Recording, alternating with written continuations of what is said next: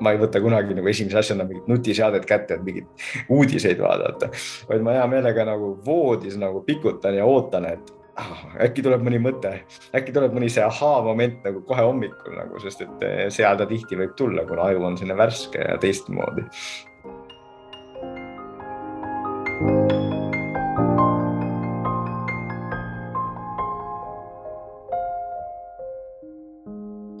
Tervitused Tallinnast, minu nimi on Rainer Sterfeld ja te kuulate saatesarja Globaalsed eestlased, kus meie eesmärgiks on luua mälupilt sajast silmapaistvast Eesti inimesest üle maailma ja üksteiselt õppida ning tuua meid teineteisele lähemale. on üheteistkümnes märts aastal kaks tuhat kakskümmend kaks ning mul on hea meel tutvustada meie tänast saatekülalist, kelleks on neuroteadlane ehk rahvakeeli ajuteadlane Jaan Aru kes on täna Tartu Ülikooli loodus- ja täppisteaduste valdkonnas Arvutiteaduste Instituudis arvutusliku neuroteaduse ja tehisintellekti kaasprofessor neuroteadus on nii huvitav ja kiiresti arenev valdkond, et kui ma ise oleksin praegu kaheksateist ja peaksin valima, mida õppida, siis üks tugev kandidaat oleks kindlasti neuroteadus ja, ja täpsemini arvutuslik neuroteadus. et minu isiklik sügavam huvi neuroteaduse vastu tekkis äh, magistratuuris äh, kuusteist aastat tagasi. Äh, kui mingi vestluse käigus tekkis ahaa-moment, et, et, et kuulge, et kõik, mis on olemas ainult Äh, kõik, mis on olemas, on olemas ainult meie peades, ehk siis väljaspoolt meie aju ei ole mitte midagi olemas. ja sealt edasi saab seda lõnga kerida päris pikalt ja arvestades, et bioloogiliselt on inimene viimase kümne tuhande aasta jooksul olnud pea muutumatu, on meie ühiskonnakorraldus samal ajal ja infokogus muutunud mõõtmatult äh, kompleksseks. mis omakorda teeb ajuteaduse siis vajalikuks ja Jaan on pälvinud Eesti noore teadlase preemia, samuti tunnustatud Eesti teaduse populariseerimise auhindadega ning saanud mitmeid teisi teaduspreemiaid ja tunnustusi. ta on avaldanud kümneid teadusartikleid, juhendanud kümmekond doktori ja magistritööd ning avaldanud kolm raamatut. viimane raamat neist loovusest ja lugelemisest avaldati alles eelmisel nädalal, et värske, värske raamat, mida võite minna otsima. Jaan on õppinud ajuteadust Berliini Humboldti ülikoolis ning omandanud doktorikraadi Max Plancki Ajuuuringute Instituudis Frankfurdis ja huvitav fakt see ka, et nagu pooled meie podcast'i toimetuse vabatahtlikest on ka Jaan Hugo Treffneri vilistlane, nii et selle pikk, pika sissejuhatuse lõpetuseks tere tulemast saatesse, Jaan. tere, mul on hea meel siin olla. räägime keskkonnast milles sa kasvasid, kus sa sündisid, kasvasid, mille keskkond oli kodus ja kes, mis sind vormisid ja mõjutasid?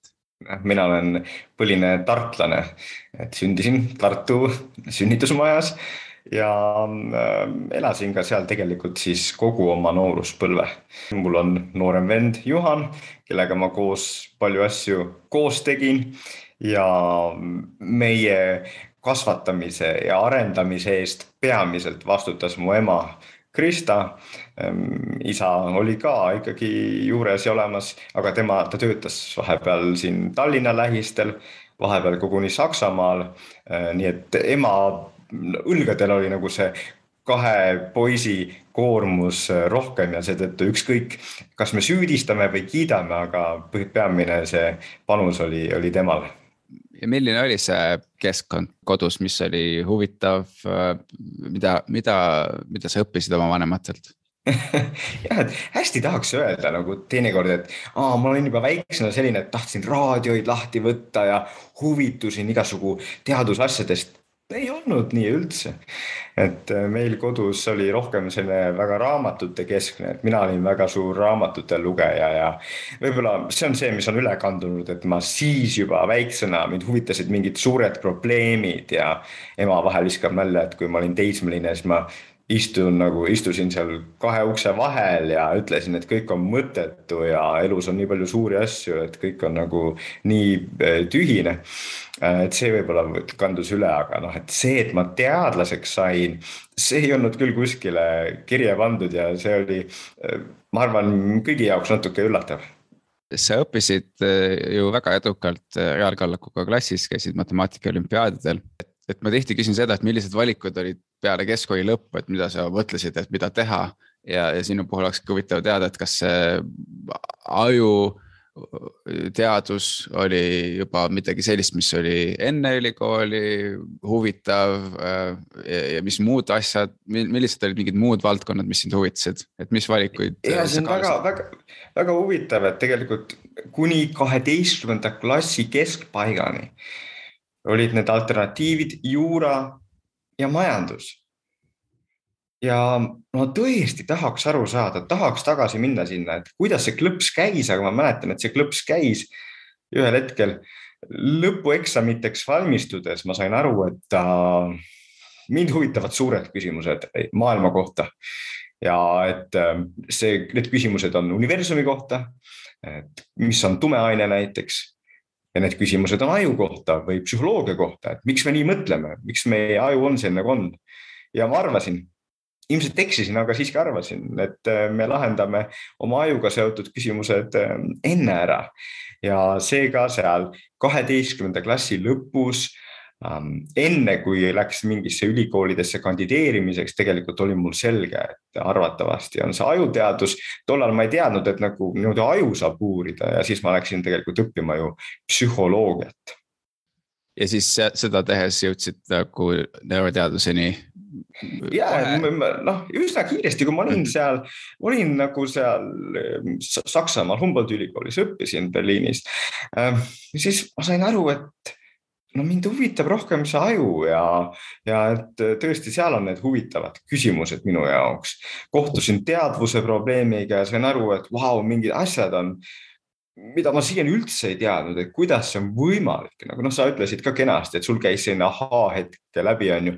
mul käis see päris seal õpingute alguses, kui ma lugesin ühte raamatut ja sain aru, et vau, ma ei olnud kunagi aru saanud, et tegelikult see nagu küsimus teadvusest on mingi suur fundamentaalne probleem aga miks mulle sellest koolis ei räägitud? Ja tegelikult äh, sealt alates nagu ma olen oma teed astunud ja ähm, veetsin palju aega nagu oma baka ja magistriõpingutest nagu raamatukogus ise lugedes neid asju, mis mind huvitavad ja nagu sealt ei ole jah tagasiteed olnud enam. Sa ütlesid alguses, et see on, et sind huvitasid nagu suured teemad nagu, mis on tume aine ja, ja muud säärased äh, küsimused, et Ehm, no ajuteaduse kohta võib ju umbes samamoodi öelda, et, et see on nagu kosmose uurimine sissepoole Neil ongi sisekosmos, eks noh, muidugi absoluutselt, näitab minu arvates on täiesti nagu sellised sümmeetrilised probleemid ja noh mm -hmm. on inimesi, kes nagu neid asju omavahel ka nagu tihedamalt seovad, ütlevadki, et need on kuidagi seotud.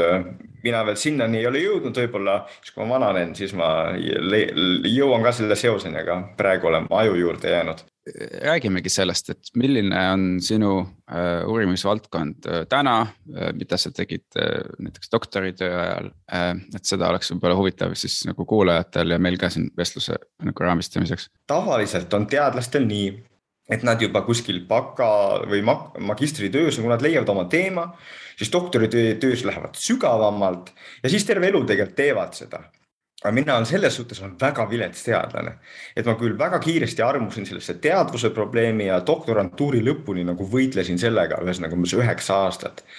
aga siis doktorantuuri lõpus ma sain aru, et olgu ähm, võib-olla on see teadvuse probleem natuke liiga keerukas. ja siis ma läksin hoopis, tulin tagasi Eestisse vahepeal koos oma abikaasaga ma äh, õppisin hoopis tehisintellekti kohta, me tegime katseid virtuaalreaalsusega. ma uurisin mälu, ühesõnaga ma tegin selliseid kannapöördeid nagu, et ma ütlesin endale, et olgu, ma olen tõesti juba tunnustatud nagu rahvusvaheliselt oma teadvuse uuringute poolest, aga see ei saa olla minu piirang. ma tahan uurida neid asju, mis ma praegu tahan uurida ja tegelikult pärast seda ongi olnud nii, et ma nagu vahepeal teen selliseid väikseid kannapöördeid. et siis aastal kaks tuhat kaheksateist läksin tagasi Berliini, ma olin just uurinud, on ju tehisintellekti, virtuaalreaalsust, aga nüüd ma läksin tegema päris nagu tihedat ajuteadust nagu hiirtega, mitte enam inimestega, vaid hiirtega, eks. ja, ja siis äh, aastal kaks tuhat kakskümmend tulin tagasi Äh, Eestisse taas olen siis nüüd äh, Tartu Ülikooli Arvutiteaduste Instituudis ja ähm, seal siis uurime omakorda asju, mida võib-olla veel mm, kuus aastat tagasi ma ei oleks arvanud, et ma uurin. Mhm. kas see on, kas see on tulnud äh, sellisest uudishimust, et püüda endale nagu luua selline nagu suurem pilt, suurem kaart, ütleme kõikidest erinevatest olulistest valdkondadest, et siis võib-olla leiad midagi, kuhu süvitsi minna jah, et, et viisakas on selle kohta või niimoodi tore on selle kohta öelda, et see on uudishimu mm, -hmm. aga võib-olla ausam on öelda, et võib-olla, võib-olla ma lihtsalt Äh, noh, ei suuda piisavalt hästi keskenduda või võib-olla ma olen selline kullaotsija. ma ei tea, noh, et ma võib-olla, kui ma noorem olin, siis ma natuke muretsesin selle pärast, et, et oi, miks ma nüüd ei suuda nii püsiv olla, aga, aga praegu oma positsioonis ma naudin seda, ma naudin seda, et ma tõesti nagu otsin seda probleemi, mis praegu tundub kõige põhjapanevam ja sellisem, mida ma saan lahendada mm. -hmm. ja ma, ma ise võtan seda alati nii, et see on nagu väga nagu selline progress ja ma arvan, et ma olen nagu aastate jooksul läinud palju paremaks selles suhtes, et milliseid küsimusi ma küsin. ja noh, veel kord minu jaoks on tähtis, et äh, ma ei saa lasta ennast pidurdada sellest, mis ma olen minevikus teinud, et jah, ma olen minevikus teinud hea uurimistöö selle või tolle kohta, aga see ei saa mind pidurdada. noh, ma tahan edasi uurida seda, mis praegu on just siin kõige põnevam no ma ei tea, selline äh, äh, interdistsiplinaarne konteksti vahetus, kui sa oled piisavalt äh, ära piiritlenud oma valdkonnad, on ikkagi pigem hea, eks ole, et, et sa võid leida mingeid no, huvitavaid on... asju, et, et selle kohta on üks väga vahva raamat, et, et kuidas üldse Raniorg tekkis, eks ole, What the Dormouse kuulus, kuulus ajakirjanik John Markov kirjutas selle kahe tuhandenda, nullindate keskel. mis, mis äh, vaatles siis seda, kuidas hipi liikumine, eks ole, kuidas LSD ja arvutiteadus lõid sisuliselt sulle äni aru äh, et noh, et sa võid ju ka komistada täiesti huvitavate asjade otsa, et sa juba teed seda, eks ole, sul on ajuteadus, sul on tehisintellekt, sul on virtuaalreaalsus, et kogu see kogu see sisekosmos seda kõike ju tegelikult kätkeb, et no ma loodan ja lihtsalt ongi, ma just ütlen, et väga tähtis on, et tavaliselt, tavaliselt teadus on rohkem nii, et sa tõesti lähed mm -hmm. ühe probleemi suunas, sa lähed hästi-hästi sügavale. minu jaoks on see umbes see, et sa juba noh, et sa oled kuskilt võtnud selle koha, et seal kohas peab igal juhul kulda olema. ja sa lähed sinna ja kaevad mm -hmm. hästi sügavalt aga mis siis, kui sul olid alguses, juba alguses sa said valed koordinaadid, on ju. Mhm. et mina olen pigem jah nii, et ma nagu loodan leida kulda kuskil seal, kus need mitmed nagu sooned kokku jooksevad. ja noh, et ma tõesti vahetan neid asju ja see on minu stiil aga mulle, noh, mulle endale, ma ütlen, et see on see, mida ma tasu, tajun ära ka nagu sellest nooruspõlvest, et kus mulle meeldis hästi palju erinevaid asju lugeda. mulle lihtsalt meeldib tegeleda nii, et mul on kõrval tehisintellekt, ajuteadus, psühholoogia, sellised ühiskondlikud teemad ja siis üritada neid asju nagu kokku panna. mulle meeldib seda nagu niimoodi sellist puslet kokku panna, üritada mingeid täiesti uusi seoseid leida ja võib-olla seetõttu ei ole ka üllatav, et nüüdseks ma olen ka jõudnud sinna punkti, kus üks nagu see põhiteema on, et me üritame aru saada, kust tulevad nagu uued ideed, kuidas ajus tekivad nagu uued sellised suured seosed, kust tuleb see ahaa-hetk, mida sa ise mainisid, on ju sissejuhatuses, et kuidas see käib, et nagu inimene ühel hetkel nagu, aa, okei okay,, nüüd ma saan aru või et ta ja et tal tuleb nagu mingi täiesti uus nagu lahendus või täiesti uus mõte tema enda jaoks. Ähm, et kuidas see toimib, kuidas seda soodustada ja, ja nii edasi, et äh, ma arvan, et see on see, mis on tegelikult mind ähm, väiksest peale huvitanud ja see on teema, mida, milleni ma nüüd siis olen jõudnud, noh, nüüd ma olen juba seitseteist aastat on ju teadust teinud. noh, mingi lootus on, et sellega ma vähemalt eh, tegelen nüüd pikemalt, sest et ma olen leidnud nagu oma asja, oma teema. no see on ikka ääretult huvitav teema, kogu see loovus ja ideede leidmine, see on öö, asi, mis mind on nagu kogu elu paelunud ja, ja millega olen ka tegelenud ja mitte küll nagu neuroteadlasena mm,, aga nähes loovust ja võib öelda, et pole vahet, et kas, et öeldakse, et oo, et ta on selline loovisik, et ta nagu. et kuidagi hästi palju stereotüüpe on, eks ole, või siis öeldakse, et noh, et uusi ideid pole olemas. ja, ja siis sa näed, kuidas, kui sa annad inimestele kaks punkti ette kuidagi distantsilt niimoodi ja kui inimene ise suudab need punktid ära ühendada, siis tekib neil see ahaa-moment ja siis nad tahavad omada seda ideed, sest nemad ju avastasid selle, kuigi sa võisid need sinna niimoodi istutada kergesti. et see on nagu selline noh, kohutavalt suur äh, universum asju, mida, mida uurida. mm,. Eh, nii et ma arvan, et see on väga äge üks probleem, mida ma näen ja mida sa ilmselt ka oled näinud, on see, et noh, loovuse kohta ongi mingid müüdid.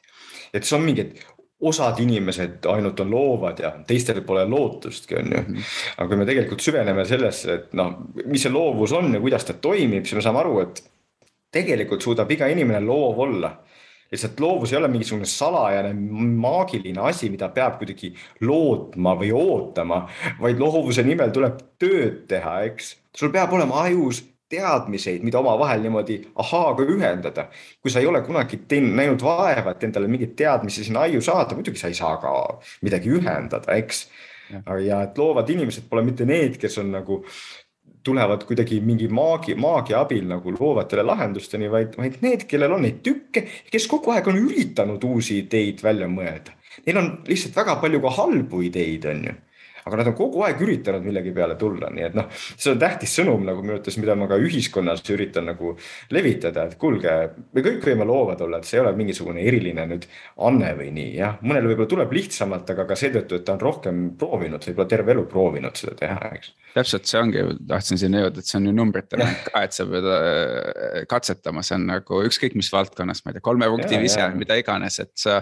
Äh, selle kohta on ka väga äge raamat on see creativity selle Pixari presidendi et, et äh, Catmulli sulest. Äh, et kui sa vaatad nagu Pixari, mis on nii tehnoloogia kui noh, loo mm. narratiivi kirjutamise kui animatsiooni, kui noh, kõik, kõik, kõik asjad kokku tuua, kuidas see kõik töötab.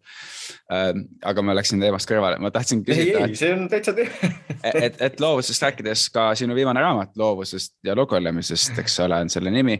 miks miks sa just sellest teemast otsustasid kirjutada populaarteaduslikku raamatu selles mõttes, et sa teed seda teadusena seda tööd, aga siis sa püüad seda nii-öelda tavainimestele selgitada ka? jah, et peamine põhjus on see, et ma lihtsalt tunnen endal kui teadlasel ka tohutut ühiskondlikku vastutust, jah et äh, ma näen, et ühiskonnas on noh, mingisugused sellised protsessid, mis mulle tunduvad, et nagu on noh, ütleme nii, ei ole kõige optimaalsemad jah, üks nendest on see, et nagu, et mingil hetkel, kui me tulime tagasi Eestisse, siis ma vaatasin, et noh, kõikidel väikestel lastel on oma nutitelefonid ja et kõik arvavadki, et see on normaalne ja isegi, et ah, me Eestis tahaksimegi, et nii oleks nagu, sest see ongi nagu meie e-riigi saladus. ja siis ma hakkasin mõtlema, et oot, oot, oot, oot, oot, et äh, siin on midagi valesti, ma olen millestki valesti aru saanud, eks. ja siis ma hakkasin nagu rohkem selle kogu nutiteema peale mõtlema ja üks oluline, oluline punkt minu jaoks oli, kui üks mu hea sõber nagu mult küsis, et jah, olgu Jaan, et see noh, et ütleme, et lapsed oleksid vähem nutiseadmes, aga mida nad siis teha võiksid, mis on see alternatiiv? ja siis ma olin samas nagu tegelenud juba paar aastat ka, mitu aastat nagu loovusele mõtlemisele ja siis mul panin seda, need asjad kokku ahaaga, et vaata, et tegelikult need asjad on koos. kui sa nagu oled nutiseadmes äh,, mängid mingeid mõttetuid mänge või sotsiaalmeedias, no sa ei saa tegeleda sellega, milleks aju tegelikult võimeline on. ja mis on see, milleks aju on tegelikult võimeline? loovus, eneseteostus, eks, ja ma, see raamatu põhimõte ongi, et kui me tahaksime, et meie lapsed oleks nutikad, ennast teostavad, iseennast tundvad, no siis me peame natukene kontrollima, vähendama seda, kui palju nad nutiseadmetes on ja võimendama seda poolt, et nad saaksid olla loovad, oma lahendusteni jõuda iseennast teadma õppida, nii et on nagu need kaks külge on ju ühelt poolt see, et ma ütlen ja annan vihjeid ja soovitusi, kuidas nagu nutiseadmes olemist vähendada. aga teiseks just see tähtis on ka, et no mis see alternatiiv on ja et igal lapsel on midagi, noh, kõigil ei ole see mingi luuletamine, kõigil ei ole teadus, kõigil ei ole ettevõtlus, aga igal lapsel on mingi asi, see võib olla mingi käsitöö, ükskõik kokkamine on ju, sport, erinevad valdkonnad, kus see aju võib nagu oma tee ja oma loovuse, oma eneseteostuse leida. ja see on nagu see kõige peamisem põhjus, miks ma selle raamatu kirjutasin, et nagu oleks asi lahti selgitatud, mis on nutiseadmete probleem ja mis on see alternatiiv, mida võiks lastele nagu aidata teha ja leida ja siis natukene ka vihjeid, et kuidas seda teha, eks. ja, ja seal oleks võinud raamatu lõpetada, aga tegelikult ma tundsin ise, et nagu noh, et võib-olla see on liiga kitsas ja, ja siis ma lähen veel edasi ja siis peatükid viis kuni seitse räägivadki rohkem sellest, et kuidas nagu loovus nagu tegelikult toimub, kuidas käivad need ahaa-hetked kuidas need ahaa-hetked võivad olla ka nagu seotud mingite tumedamate asjadega ja, ja kuidas nagu nende ahaa-hetkedeni jõuda ja kuidas nagu jõuda uute lahendusteni ja oma mõistust äh, vabastada. noh, ja siis, ja siis kõige lõpuks veel on lõpus peatükk ka sellest, kuidas nagu seda kõike koolihariduses arvesse võtta. nii et kui ma siin seda nüüd niimoodi kõik välja ütlesin, siis tundub, et üks päris imelik raamat on. Tundub ikka täitsa mõistlik. Kuidas on tänapäeva siis väheaktiivne istuv elustiil või, ja kuidas mõjutab tänapäeva väheaktiivne istuv elustiil ähm, inimeste aju tervist ja eriti laste? jah, et noh, siin ongi kaks asja, on selline, üks asi on nüüd see istuv elustiil, aga noh, iseenesest istumine ei, pruugi olla veel kõige hullem, noh, kujutame ette, et ta istub ja tema laual ees, seal on, ma ei tea, mingid, mingi robotikomplekt, ta ehitab robotit või siis, või siis ta joonistab, istub ja joonistab, noh, et selles suhtes istumine ise ei ole nii väga süüdi, aga just probleem on see, et see istumine on nagu tundide viisi ja ta on mõttetu istumine, sellepärast et nagu see laps istub seal on ju kas nutiseadmest, mängib mingit mängu, äh, on Tiktokis ja nii edasi, aeg lihtsalt kaob tundide viisi tundide viisi aega ja potentsiaali tema ajust nagu lihtsalt haihtub kuskile, eks. ja noh, see, see on nagu minu jaoks, ma ütleks, et noh, mina ei võitle ju, ega ma ei võitle nutiseadmete ja nende asjade vastu.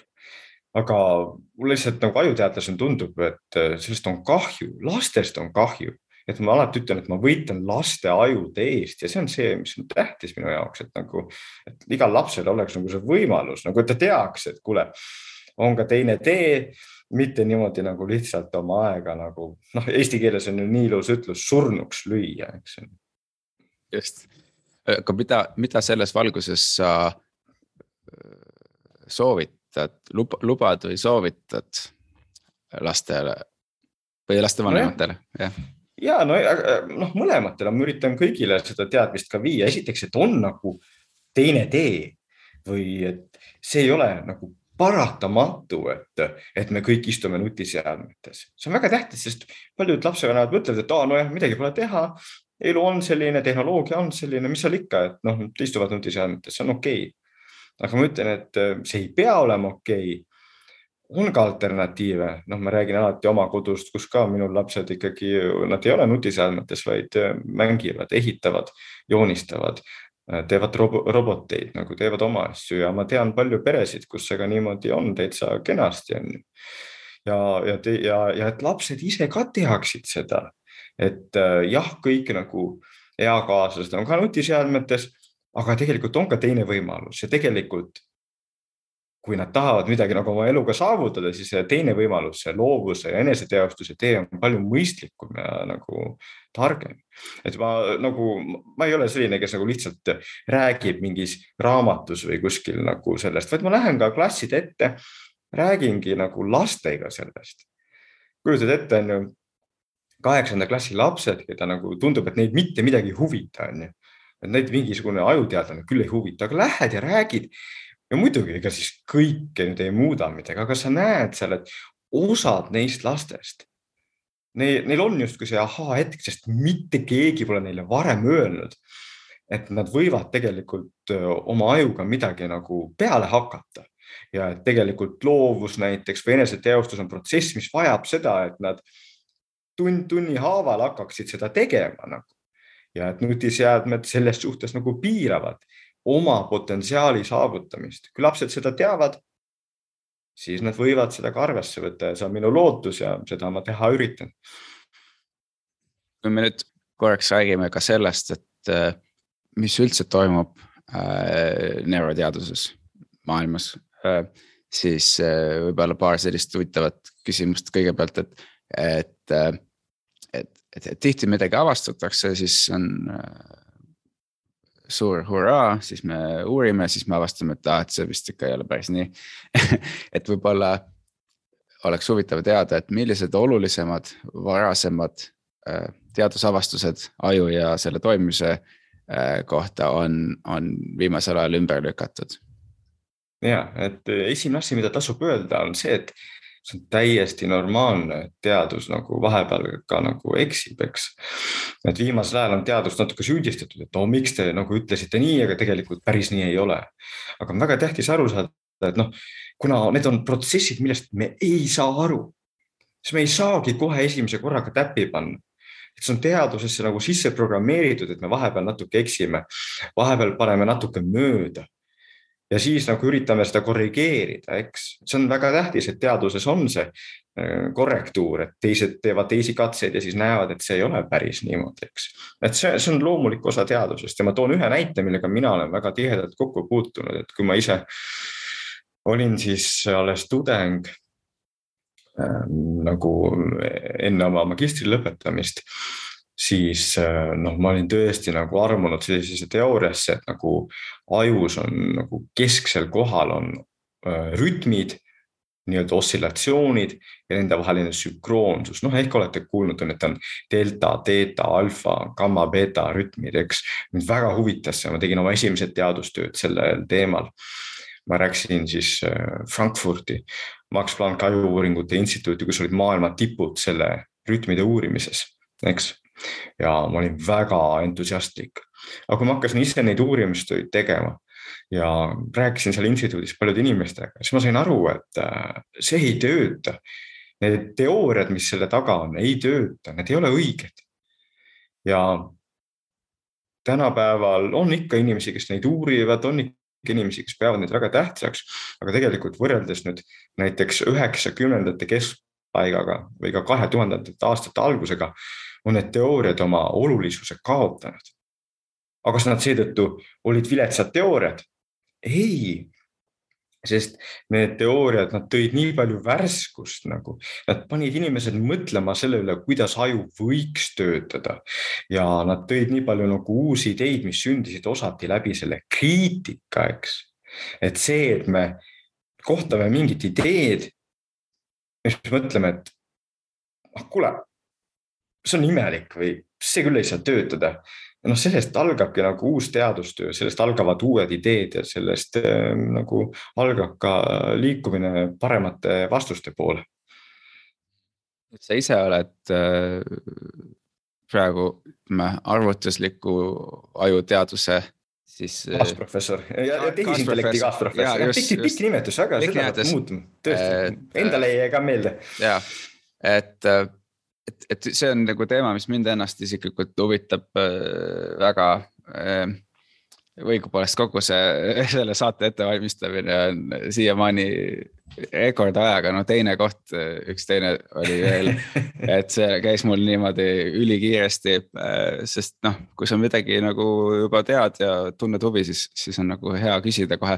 igatahes üks asi, mis huvitab, on see, et äh, kuidas on füüsika, matemaatika ja arvutiteadus meie arusaamist ajust parandanud näiteks viimase viie aasta jooksul või noh, kümne aasta jooksul, et vaata, vaata ise, kuidas sa tahad seda vastata. ja, ja ei no tohutult, tohutult ja nagu ongi, et nagu vahel küsitakse, et aa, no mida, mida minna õppima, et nagu aju uurida.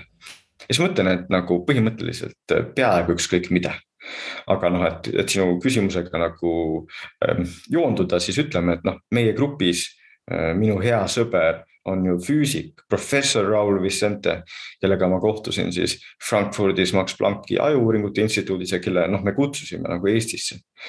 tema on füüsik, äh, minu üks doktorant on füüsik, me teeme koostööd matemaatikutega ja me noh, paljud on arvutiteaduse tudengid muidugi. ja põhjus on selles, et noh, et äh, ükskõik millisest keerukast süsteemist me aju, aru tahame saada, näiteks ajust, siis see, et meil on nagu võimalik teha mudeleid nagu füüsikas või matemaatikas või meil on teha võimalik nagu tehisintellekti algoritme nagu arvutiteaduses. see aitab meil lihtsalt endal paremini nagu asjadest aru saada, aitab paremini aru saada, kuidas aju võiks töötada. ja see ongi nagu ka see, mida me oma grupis teeme, et me nagu üritame aru saada nendest algoritmidest jah, me ei saa teha nagu häid ajuteaduslikke katseid, noh, meil ei ole siin eh, niimoodi võimalik teha neid tipptasemel katseid, aga eh, me saame nagu üritada nagu paremini nagu mudelite ja eelkõige siis praegu tehisintellekti mudelite abil aru saada, et kuidas need protsessid ajus toimuvad. Üks, üks asi, mis eh, on selles valdkonnas huvitav ja meil on ka varasemalt üks neuroteadlane saatesarjas olnud Allan Herman Paul, kellega ma rääkisime just nimelt ütleme suurandmete kasutamisest ja.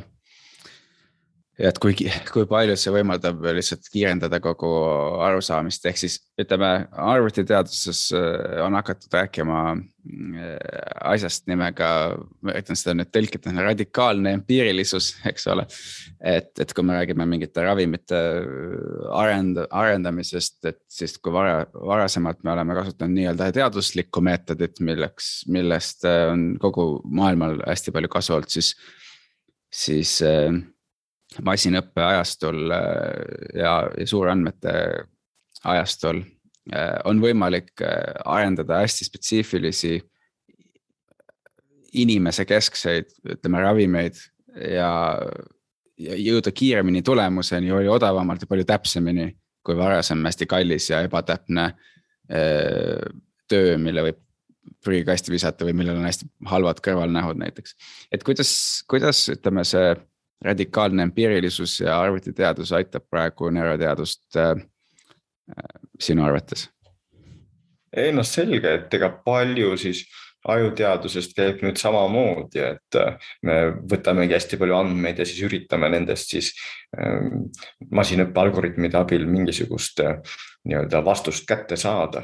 me oleme ise ka seda teinud, aga samas äh, noh, mina näen, et jah, see on väga oluline, jah, see on meile andnud uusi vastuseid, aga mõeldes nagu inimese mõistusest, äh, ma saan aru, et ähm, noh, et suured andmed ei saa olla ainus vastus, nagu kui me räägime just nendest loovatest lahendustest, ahaa-momentidest, siis jah, nende taga on noh, inimese ajus on vaja andmeid selle kohta, aga need ei ole võrreldavadki nende andmetega, mis siis nagu, nagu niimoodi nendes masinõppe algoritmides tihtipeale sees on, on ju. et äh, kohati on meil ikkagi palju vähem nagu selliseid erinevaid andmeid selle ühe probleemi kohta, mida üritame lahendada. seega mina olen nagu, ehkki me tegime seda just seda suurandmete analüüsi ka on ju, mina olen praegu öelnud, et okei okay,, ähm, see ei ole minu jaoks nagu nii huvitav. Ma tahan pigem just aru saada, kuidas meie nagu ajus nagu piiratud andmete pealt tekivad uued järeldused ja uued seosed. ja siis küsida ka, kuidas nagu tehisintellekti algoritmis selliseid asju panna, sest nagu noh, kenasti sa ka viitasid, on ju. tehisintellekti algoritmid, nad töötavad väga hästi, kui meil on palju andmeid. Aga kui neil on vähe andmeid, siis nad ei tööta peaaegu üldse või väga viletsasti töötavad. seega ongi nii, et noh, kui teil on mingis oma probleemis nagu teil on palju andmeid, siis tasub kasutada just neid äh, suurandmetel põhinevaid masinõppe algoritme ja tehisintellekti algoritme. aga kui on mingi teistsugune probleem siis oleks nende algoritmide rakendamine vale, eksitav ja võiks viia halbade tagajärgedeni. ja siis me tahame ise ka aru saada, et noh, on osad probleemid, mida me saame sinna suurandmetele panna, aga mitte kõik. me tahame aru saada, mis on see piir, mis on see vahe ja kuidas siis neid teistmoodi algoritme nagu ka luua ja see on üks nagu minu grupi küsimus, et kuidas nagu paremini aru saada sellest tõesti ahaa algoritmist meie ajus, noh mm. -hmm. see oli ka üks hiljutine äh, Andrew Ngi äh, hüpates, kes oli Google Braini asutaja ja, ja Baidu otsimootori äh, tehisintellekti grupi juht, et et tuleviku tehisintellekti areng võiks olla nagu pigem äh, väikestes andmetes. Äh, aga seal tekib kvaliteedi küsimus, eks ole. ja, ja, ja nii edasi, nii et, et, et kõike ei saa lahendada suurandmetega ilmselgelt, et seal tekib palju prügi Äh, äh, siis selline küsimus ka siit edasi, ma oma sissejuhatuses ka korraks mainisin seda, et inimese äh, organism on suuresti muutumatu olnud, ütleme kümne tuhande aasta jooksul, aga meie ühiskond on muutunud mõõtmatult komplekssemaks.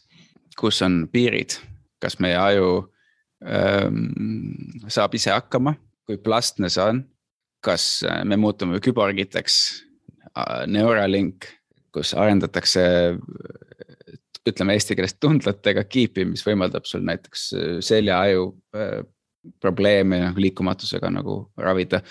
et, et kuhu sa näed, et see liigub? Ma teeme nii, et ma vastan siin kahes osas. muidugi. et esimene, esimene nagu see sisuline küsimus minu jaoks on, et okei okay,, et noh, et meil on need ajud, mis on tõesti kujunenud, on ju ähm, sadade miljonite aastate jooksul ja mis on nüüd tänapäeva keskkonnas, et kas siin on probleeme ja muidugi on, noh, me näeme seda ju ka nagu ülekaalulisuse puhul näiteks, aga noh, mina näen ajuteadlasena seda eriti siis just selle infovooga hakkama saamise puhul. ja noh, me kõik teame neid inimesi, keda me nagu tegelikult peame nutikateks ja kes võiksid midagi teha, aga kes tegelikult õhtul lähevad ja nad istuvadki nagu mitu tundi nagu oma Facebookis ja Tiktokis ja nii edasi, on ju suured inimesed, eks. Sest et eh, kogu see voog, mis sealt tuleb, on nagu ajus, käivitab nagu teatud vanu mehhanisme ja me ei saa midagi sinna vastu teha või noh, ei ole õige öelda, et midagi sinna vastu teha ei saa, aga nagu paljud meist teavad, see on väga raske tegelikult see telefon käest panna, on ju. aga noh, et mina ütlen just, et me peame sellest teadlikud olema, et jah, meie sees on need vanad mehhanismid, mis tahavad seda telefoni või ükskõik mida arvuti taga midagi teha ja vaadata. Aga me oleme ainus loomanik, kes põhimõtteliselt suudab selle telefoniga ära panna ja öelda, et ei äh,, tegelikult ma tahan oma elult just seda, tegelikult ma tahan seda korda saata. võtan nüüd vähemalt tund aega ja ei ole telefonis ja üritan siis ükskõik kas kirjutada, joonistada, mõelda mingit uut ideed, mõelda uusi retsepte, harjutada sporti, ükskõik mis asja, noh jah. et see on väga tähtis asi, aga just, et noh, me näeme, et nutikad inimesed ka meie ümber nagu on selle, selles nagu lõksus ja nüüd äh, kui suurtel inimestel on see raske, siis mõtleme veel, kui raske see lastel on. sellepärast, et suurtel inimestel, nagu ma ütlesin, on põhimõtteliselt võimalik öelda endale, et okei okay,, aitab, aitab, ma olen täna liiga palju telefonis. paned selle telefoni endale kinni ja paned kapi otsa ja ütled, et see on tõesti, ma ei taha seda aga see põhineb meie nagu otsmikusagara protsessidel, mis nagu ähm, lapse puhul on alles arenevad ja areneb veel kuni sinna kahekümnendate aastateni, nii et väike laps, kellel on nagu selline noh, tal on harjumus nagu olla mitu tundi järjest nutiseadmes. temal ei tule endal seda mõtet, et aa, ma paneks ära ja aa, tegelikult ma ju võiks joonistada või ma võiks õppida laulmist ka, eks.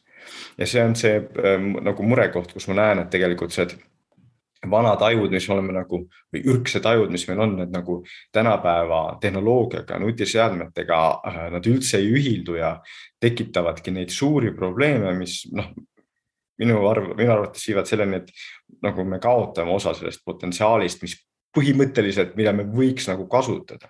Ja, ja tagasi tulles raamatu juurde, et see oli see, see on ka see nagu see sama motivatsioon, et miks ma selle raamatu kirjutasin, eks ja teine osa vastusest on siis see, et okei okay,, aga nüüd meil ongi siis sellised projektid nagu näiteks Elon Musk'i Neuralink on ju, mis äh, üritavad nagu aju nagu selles suhtes edasi viia, öelda, et tegelikult me võiks ju aju panna mingisugused kiibid, õppida kiiremini, teha mingeid asju paremini ja nii edasi. Et siin on väga tähtis öelda, et noh, Elon Musk'i ei tasu nagu kunagi alahinnata aga esialgu on see Neuralinki jutt nagu, nagu natuke lihtsalt selline, mis selle kohta öelda, utoopia või selles suhtes. et üks põhjus, mis on väga lihtne, on see, et nagu noh, selle kiibi sa saad panna ühte kohta ajus on ju praegu vähemalt. aga näiteks mälusisud või kui me räägime loovusest, need teadmiste tükid, need on igal pool ajus, igal pool nagu mitte ühes kohas. siis, kui sa paned ühte kohta selle asja sisse, ähm, see on väga raske näha, kuidas sa sealt saad nagu informatsiooni nagu igale poole aiu et see on lihtsalt nagu ähm, fundamentaalselt vastuolus sellega, kuidas aju nagu töötab, eks. ja, ja siis äh, noh, siin on muidugi huvitav ja see on nagu selles suhtes väga tore, et, et, et ta nagu rahastab seda ja et nagu noh, et sealt tuleb kindlasti uusi avastusi ja nii.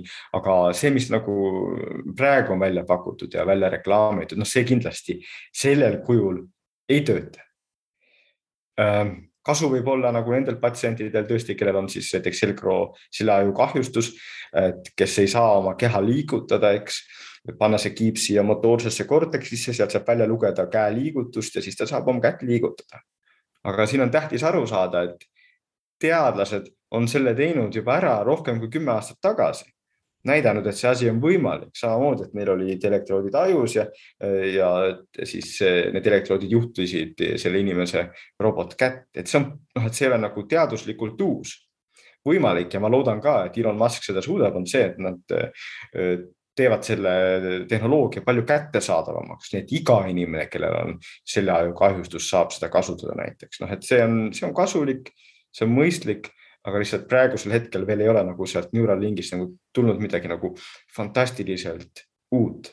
aga võib tulla ja ma loodan, et tuleb no ma ise vaatan neid asju niimoodi, et äh, sellist tüüpi ettevõtted on ikka rakendusliku iseloomuga, et nad ei leiuta tihti midagi, mingit uut täiesti enneolematut teadmist, vaid pigem noh, innovatsiooni definitsioon ongi, et on mingisuguse teadmise edukas rakendamine turul et, ähm, et. nojah see..., ja see, see on, on ju, mis, mis SpaceX-i või Tesla puhul ka nagu ilusasti töötas, aga siin ongi küsimus, kas -hmm. selles suhtes, nii nagu sina mainisid, see Neuralink on lihtsalt liiga vara veel. -hmm. kuna me teame aju kohta liiga vähe ja meil nagu noh, et meil ei ole võimalik nagu seda asja nii teha mm. -hmm. et minu arvates nad praegu nagu saavad rohkem nagu just teha seda, et tulebki, et võib-olla sealt tuleb mingi uus nagu avastus, aga nagu lihtsalt ei ole võimalik praeguste teadmiste põhjal inseneriteadluse abil nagu seda asja nagu kokku panna, noh lihtsalt meil ei ole neid äh, teadmiseid ja oskuseid nagu kuskil maailmas mm. -hmm vastupidine küsimus ka äh, sellele üldteemadele, millest me räägime praegu, et, et, et kuidas tehnoloogia aitab aju, et vastupidi ka, et kuidas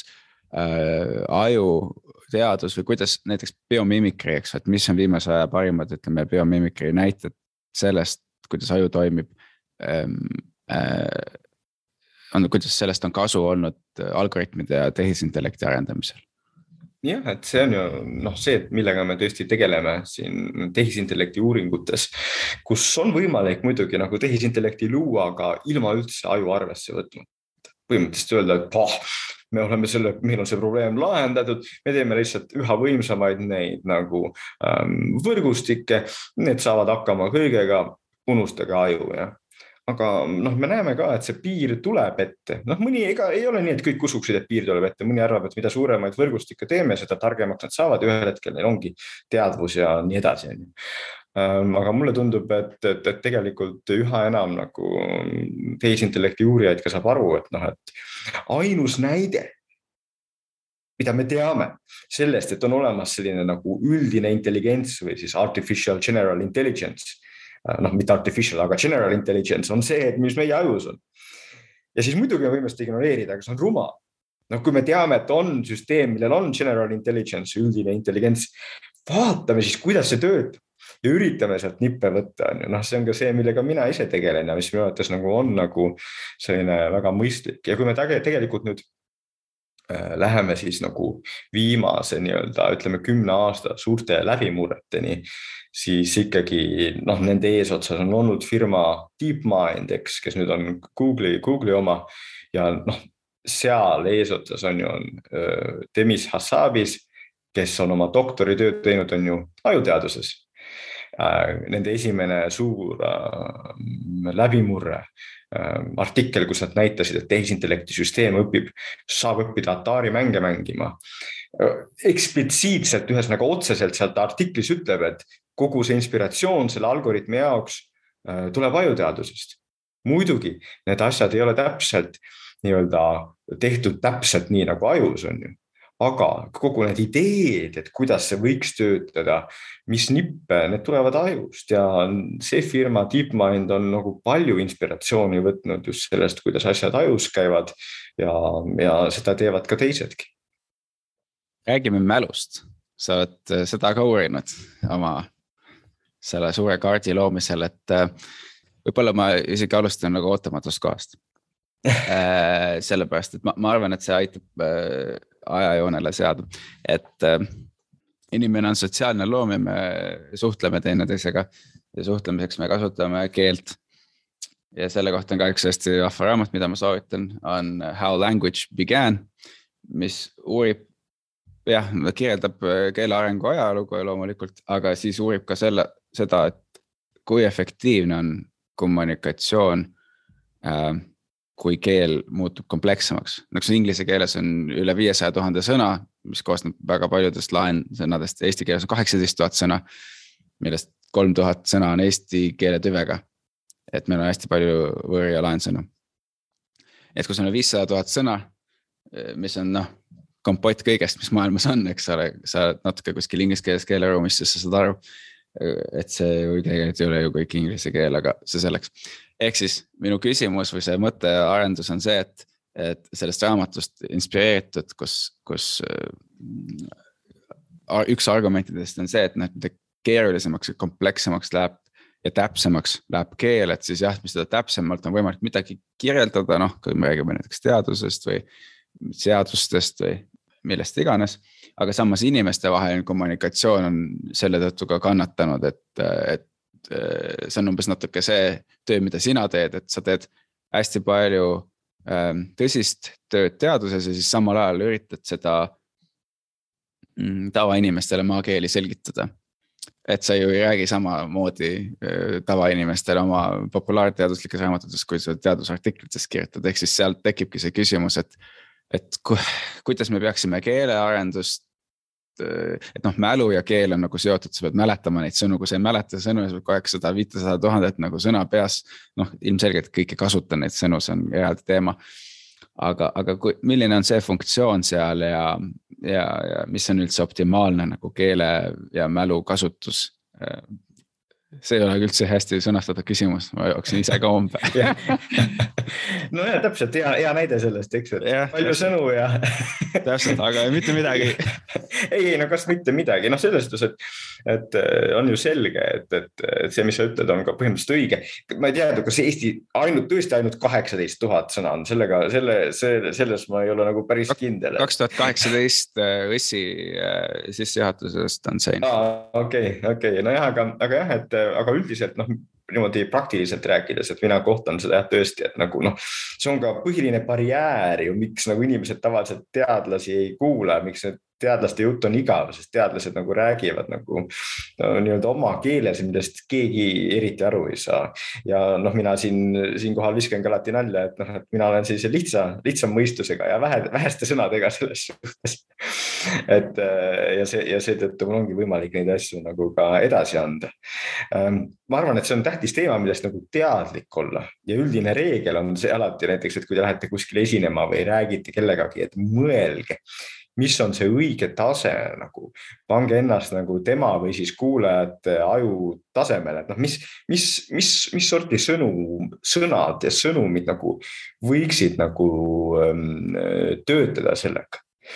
aga, aga veelgi üldisemalt nagu kogu see keelesüsteem ja kuidas me räägime, noh, see on lihtsalt nii fantastiline, on ju, et nii lihtne on arvata, et aa, see on mingi keel ja noh, et käib ka, aga tegelikult kui me hakkame mõtlema, kui palju nagu praegusel hetkel näiteks minu aju peab nagu igasugu kombinatsioone proovima, et see lause enam-vähem mõistlik välja tuleks, on ju.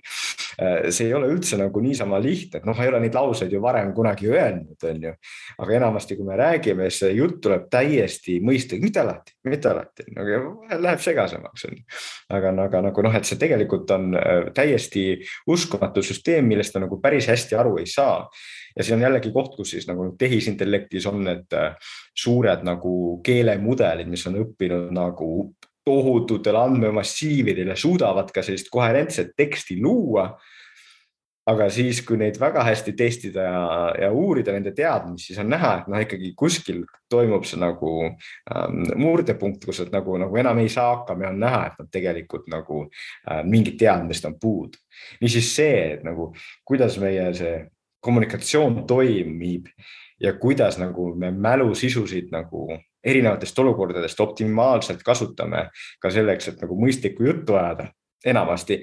Ähm, see, see on tegelikult ikkagi väga suur äh, saladus ja, ja on nagu üks osa sellest mõistatusest, et miks me inimestena oleme selline huvitav ja teistmoodi liik üks, üks asi, millest on palju räägitud, on sellest, et kui palju ähm, energiat aju vajab. Äh, et kui me sööme, et kui palju energiat selleks kulub, kas, ma ei ole seda kunagi uurinud, ausalt öeldes praegu tekkis selline äh, küsimus enne järgmist küsimust, et äh, kas ütleme suuremat faktimassiivide mäletamine tähendab meie jaoks suuremat äh, energiavajadust ajul. kas aju vajab rohkem äh, energiat selleks, et talletada rohkem fakte? jah, et see on selline asi, mida, mida tegelikult omade, omade meetoditega uuriti juba mitu sajandit tagasi, kus ei olnud veel mingit peent ajukuva ärki ja niimoodi, eks. et pandi inimene nagu sellise, ütleme nagu sellise laua peale, no noh, sellise suure laua peale lebama ja niimoodi, et ta on täpselt tasakaalus nagu mingisuguse näiteks püramiidi peal või nii. ja siis anti talle mingi keerukam nagu arvutustehe ja siis väideti, et nagu noh, et, et inimene siis vajub sinnapoole, kus see aju on, eks um, oleks super huvitav, kui keegi nagu viitsiks sellist katset teha nagu tänapäeval ka ja vaadata, kas need nagu tegelikult ka töötavad. ma ei ole teadlik, et keegi seda oleks tänapäeval teinud, aga tänapäeval muidugi me saame siis vaadata nagu ajukuva abil neid asju. Ja, ja mida me näeme, on see muidugi, et tegelikult ähm, nii-öelda see keerukus on väga suhteline asi jah et asi, mis nagu noh, ei ole sellist asja nagu objektiivne keerukus sest et asi, mis võib olla ühe aju jaoks tohutult keerukas ja nagu pane, näeme, et tema otsustikusagar aktiveerub ja igalt poolt ta nagu üritab seda vastust leida. teine aju nagu praktiliselt kohe teab või nagu väga lihtsalt saab hakkama, sest tal on juba need efektiivsed struktuurid tema sees, mis aitavad tal seda üht või teist ülesannet nagu lahendada, noh, et kellel on kogemusi ka nagu ekspertidega, see teab ka, et nagu teinekord sa lähed mingi võimatu probleemiga, enda arvates võimatu probleemiga inimese juurde, kes on oma ala ekspert ja ta ütleb sulle koheselt vastuse nagu noh, mitte seetõttu, et ta oleks targem, vaid tal on lihtsalt sellised efektiivsed nagu teadmiste struktuurid. kui sa räägid seda küsimust, siis tal noh, tal koheselt nagu klikib ära, et mis see on ja kuidas see töötab. Nii et noh, et me, me, me teame, et muidugi iga, iga aju jaoks on mingid olukorrad, mis on raskemad, mis on keerukamad, aga et see on alati selline suhteline ja sõltuvalt äh, nagu ajust. Ja teine asi, mis võib siia öelda muidugi, et, ähm, et kõige rohkem energiat vajab aju ikkagi nagu lapseeas jah, et väike lapse aju võtab nagu veel palju rohkem energiast, kohati nagu pool, umbes pool keha energiast, sest tema ajus on nagu rohkem ühendusi ja ta peab lihtsalt kogu aeg nagu palju rohkem nagu õppima. Neil on nagu noh, enamik asju, mis me kuuleme või näeme, on kuidagi juba selged ja nad ei tekita meie ajus, nad tekitavad sellise väikse nagu lainetuse, aga seesama lainetus nagu, seesama asi nagu, mis meil tekitab lainetuse, tekitaks ütleme kolmeaastases ajus sellise tormi ja kõik see tuleb siis sinna aiu nagu kuidagi salvestada ja siis see võtabki nagu veelgi palju rohkem energiat mm. -hmm no see, see põhjus, miks ma seda küsisin, on, on just see osa mälust, mis tegelebki faktide talletamisega. Mm, ja, ja ilmselgelt, mida rohkem meil on praegu info kättesaadavus on nii lihtne ja kerge, et, et me võime oma, aju ei ole prügikast, nagu eesti keeles öeldakse, eks ole ja, ja noh, sõbrad teavad mind kui inimest, kellel on hea mälu ja, ja tänu sellele, mismoodi Eesti koolisüsteem, kui mina käisin koolis, oli üles ehitatud, et see oli minu jaoks nagu lapsemäng, sest see lihtsalt nagu pff, mida iganes. aga mida ma oleks tahtnud, oleks rohkem mõttemudeleid ja raamistikke õppida, mida ma olen nüüd omal käel nagu tudeerinud. et miks ma pean kõike mäletama, eks ole ja, ja see esimene ahhaa-moment oli sama asi, oli, oli magistratuuris või õigemini ma töötasin TTÜ-s ja oli professor Mart Tamre, kes tuli MIT-st, oli MIT-s mingi aeg tuli Eestisse tagasi asutada see mehitamata sõidukite uurimisrühm ja, ja siis ta ütles, et ma ei tahagi, et te kõike peast teate, ma lihtsalt tahan, et te oskaksite leida selle vastuse, no see oli. ma olin siis äh, jah, mingi kolmandal kursusel äkki või nii ja, ja siis noh, sellest ajast alates ma nagu olen loobunud sellest värgist, noh aju, aju töötab ikka nii, kui ta töötab, aga oluline on mõelda läbi mõttemudelite ja raamistike ja, ja üritada aru saada, kuidas ma üldse otsustan asju. Ehk siis, aga selleks, et seda teha, sul peab aju ka nagu efektiivselt töötama, just see interdistsiplinaarsus, millest me varem rääkisime. et äh, miks, mis see pikk sissejuhatus, mis mind huvitab, sinu perspektiiv selle kohta, et äh, info kogus, sa rääkisid, kirjutasid raamatut, eks ole, loovusest ja lugelemisest et kuidas on, kuidas sinu jaoks peaks äh, või kuidas sinu arvates peaks täna inimesed õppima selleks, et sellest õppimisest oleks pikemaajalisemalt kasu. et, et see fakt, mis võib, ma ei tea, viie aasta pärast olla aegunud, seda ei ole ju mõtet pähe taguda, eks ole. ja no siin on nagu, ma arvan, ütleks, et on nagu mitu erinevat poolt, kus seda vaadata, et äh, noh, ma tean ju, ma suhtlen ka õpetajatega ja tean, et nagu õpilased tihti ütlevad, ah, miks ma pean õppima neid asju, miks ma pean, et ma võin järgi vaadata iga hetk, on ju.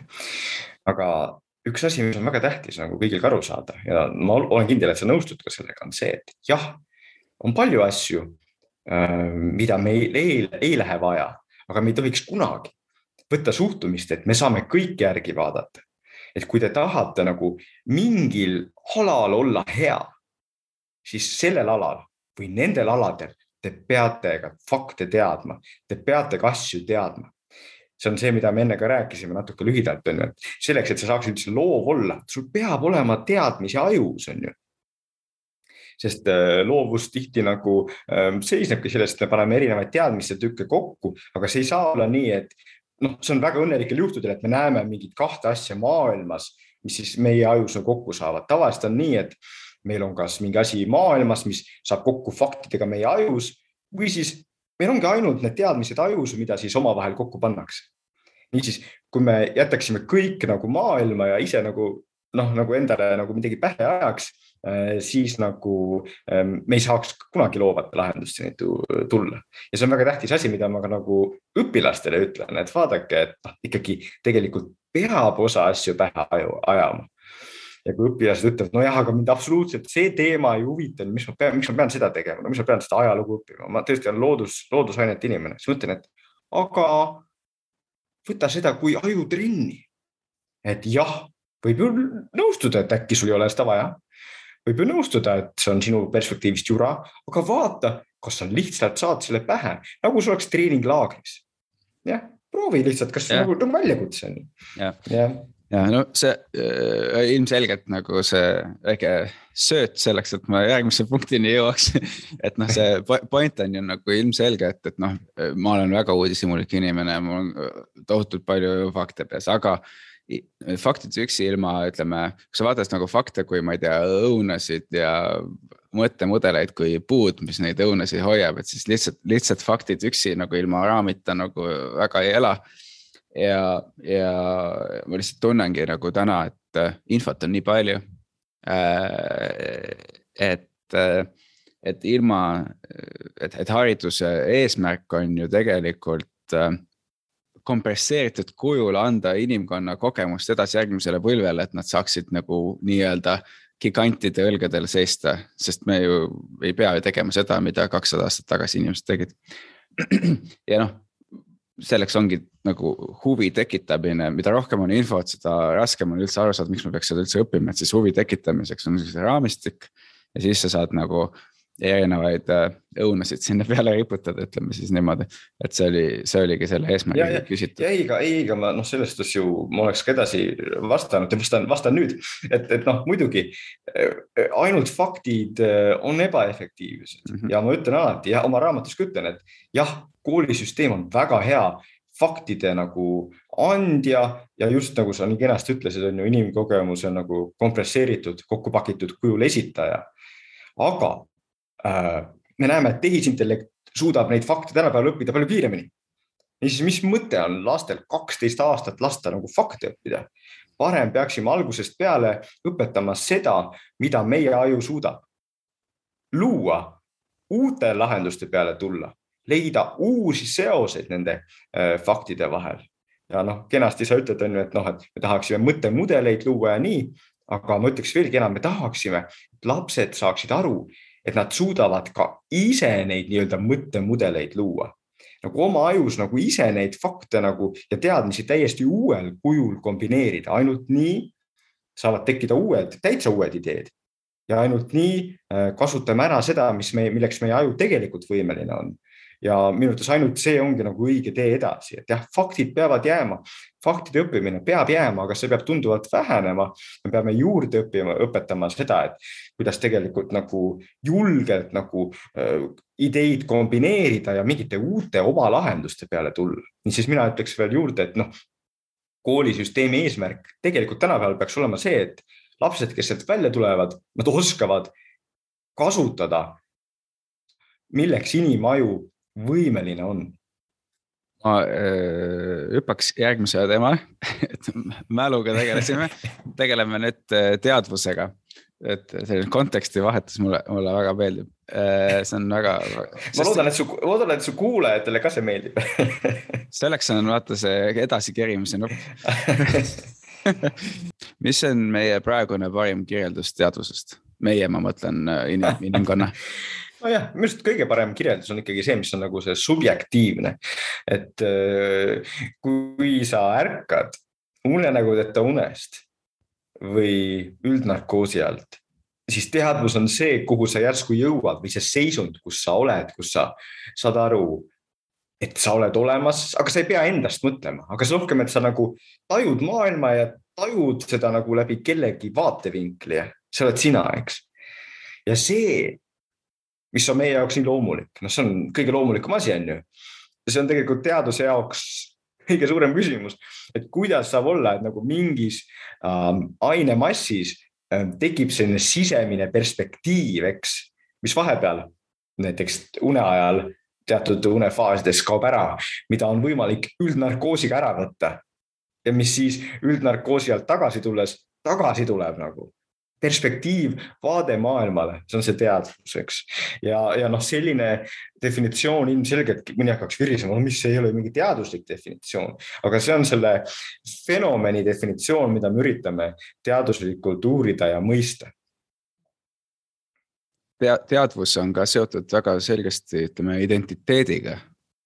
et et äh, kes ma olen ja ma ei mõtle siin nagu rahvuslikku identiteeti või midagi, see, kuigi ka see on osa sellest, aga see on lihtsalt sub, subset. kuidas on teadvus ja identiteet? no ma usun, et neid võib mingil määral ka täitsa lahutada, et noh, on olukordi, noh näiteks, kus me oleme nii intensiivselt mingi asjaga seotud, olgu see siis seal äh, laulupeol laul, laulmine, mingi spordivõistlus mingi raamatu lugemine, kus me põhimõtteliselt kogu selle oma identiteedi nagu kaotame või noh, et see ei ole nagu kuidagi nagu esiplaanil, eks. aga endiselt me oleme teadvusel, endiselt meil on see perspektiiv, endiselt me oleme vaimselt olemas, eks aga muidugi on neid teisi olukordi, kus see identiteet on ka väga tugev, kus me tunneme, et äh, jah, see on nagu noh, just minule nagu see küsimus või see arvamus on vastumeelt või ma pean, ma pean midagi tegema, sest et see on nagu vastuolus sellega, mida mina õigeks pean, on ju. ja siis tuleb see identiteet ka esile ja noh, kahtlemata see siis võib ka meie nagu teadvusseisundit nagu domineerida, jah sellest edasi olekski nagu loogiline küsida võib-olla, et kirjutasin sulle ka sellest natuke varem, et, et see neuroteadlane Anil Seth uurib oma raamatus Being you ehk siis sinuks olemine eesti keeles ka teadvust ja kirjutab, et, et, et tema arvates elu on justkui kontrollitud hallutsinatsioon või nagu ütleme DIY ehk tee endale ise unenägude masin või dream machine nagu hallutsinatsioonide masin, ütleme. mis sa sellest arvad? Nojah, et seda ideed on nagu lihtne mõista, et miks ta nii arvab, on ju, noh, ei noh, ma, ma tunnen ka teda ja, ja nagu selles suhtes ma täitsa nagu mingil määral nõustun sellega, on ju, et kui me mõtleme nagu hallutsinatsioonidest, äh, noh, need on aju poolt loodud kogemused, mis tunduvad reaalsed. noh, aga nad ei ole reaalsed selles suhtes, et nad on nagu, äh, neid näeb ainult see üks inimene. aga kui nüüd on sellised asjad nagu hallutsinatsioonid või unenäod, mis tekivad ajus ja mida see inimene nagu sel hetkel nagu peab mingil määral nagu tõeks, siis mida see tähendab nagu sellise nagu tavakogemuse kohta.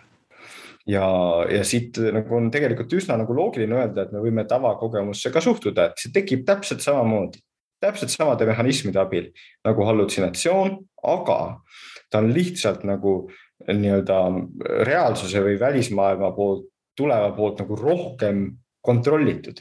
ja selles suhtes ongi ta kontrollitud hallutsinatsioon ja öö, ma arvan, et see idee, mis ta on välja käinud sellest kontrollitud hallutsinatsioonist, on selles suhtes vahva. et ta aitabki nagu tavainimesel paremini aru saada, et noh, see, mis me kogeme, kuigi see tundub nagu, et aa, ma lihtsalt nagu suhestun välismaailmaga, see tegelikult on loodud ajus jah, et see ei ole nagu mingi, et me, me ei näe, mitte kunagi me ei näe nagu reaalsust otseselt.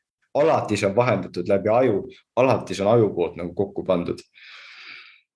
ja see äh, võib-olla viib meid selle, selle teemani, mis mind äh, võib-olla ennast huvitab kõige rohkem ehk siis seesama aju, aju plastsus ja see, mida me mõtleme, selleks me võime saada või noh, sa oled see, mida mõtled nii-öelda.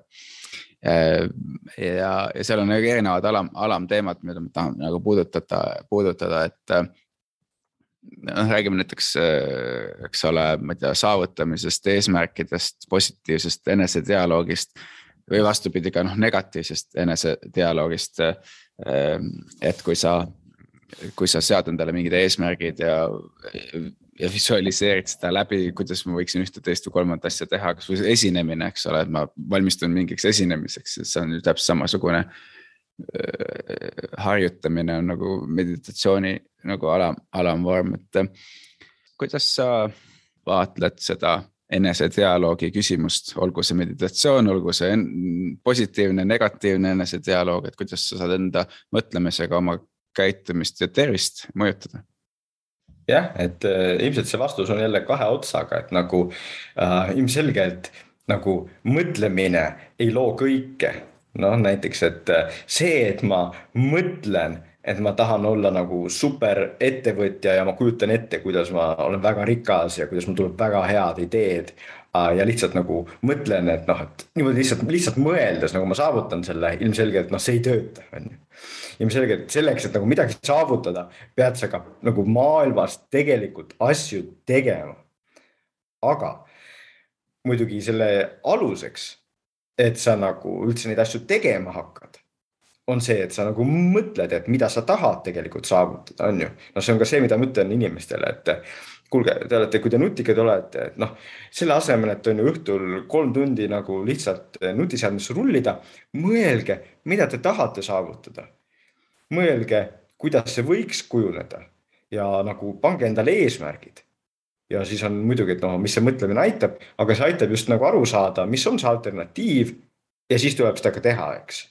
vahepeal võib mõelda kujutad ette, kuidas võiks olla, aga teine komponent on ka, väga tähtis, noh, mis on nagu mõnel inimesel jääb nagu tähelepanuta, et me peame tegelikult neid asju nagu tegema või üritama nagu ise reaalselt nagu selle suunas äh, liikuda äh, erinevaid neid äh, nippe äh, kasutades millised on sinu enda igapäevased praktikad hea ajutoonuse vaimse tervise hoidmiseks?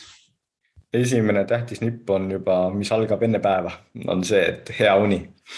et äh, kui mul siin lapsed olid väikesed, äh, noh, siis ma avastasin, ma teadsin varem ka, aga no siis ma nagu lihtsalt, kuna siis ma nägin, kui halb magaja ma tegelikult olen. terve öö on ju kuidagi üleval ja siis nagu lihtsalt absoluutselt nagu mitte midagi ei suuda teha. ja siis ma nagu võtsin ennast kätte ja, ja magan nagu tihti ka kõrvatroppidega, tunnistangi endale, et ma olen kehv magaja, märkan kiiresti ülesse. Ja siis magan kõrvatroppidega ja üritan nagu oma une kätte saada, et vahel see on frustreeriv sõprade ja abikaasa jaoks, et mõtlen, et kuule äh, mina lähen nüüd magama. Aga noh, et, et minu jaoks nagu tähtis just nagu pigem on tähtis iga päev vormis olla nagu ja algab magamisest. teine asi kohe, mis on hommikul, on see, et ma ei võta kunagi nagu esimese asjana mingit nutiseadet kätte, et mingeid uudiseid vaadata, vaid ma hea meelega nagu voodis nagu pikutan ja ootan, et ah, äkki tuleb mõni mõte, äkki tuleb mõni see ahaa-moment nagu kohe hommikul nagu, sest et eh, seal ta tihti võib tulla, kuna aju on selline värske ja teistmoodi. ja, ja, ja kolmas nipp on see, et niipea kui ma olen siis nagu äh, töölaua taga, lapsed on lasteaeda või kooli viidud, eh, siis ma koheselt annan nagu gaasi, koheselt üritan nagu mingi asja ära teha nagu, mis tihtipeale on siis kirjutamine, aga võib-olla mingi probleemi lahendamine. ma ei võta mingeid tüütuid asju, aga ma mõtlen just, et mingi selline sisuline mõtlemise asi. et ma saan nagu esimese kahe tunniga midagi tehtud.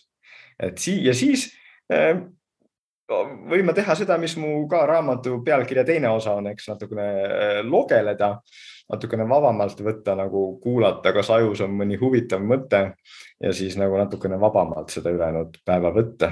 noh, et sellised trikid on lihtsalt nagu põhimõtteliselt, et ma nagu tean, et minu see tippaeg on hommikul, sinna on võimatu minuga mingisugust kokkusaamist saada, ma lihtsalt ütlen, et ei, mul on kinni.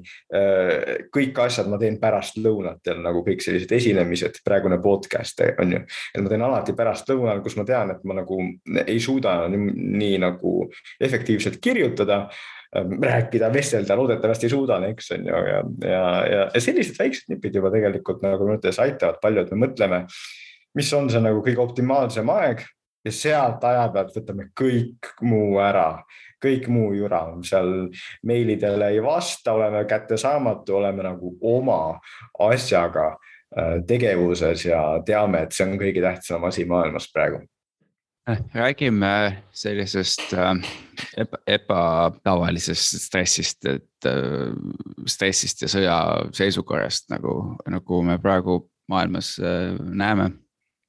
meie lähedal näeme, kui sa vaatad, sa mainisid, et sa ei ärka ja vaata kohe uudiseid et kuidas need, kes vaatavad kaugemalt ja tunnevad ärevust noh suunata, et kuidas tasakaalustada nii-öelda väljalülitamist ja samas teadlikkust, abistamist, pea liiva alla panemine pole ju, lahendus.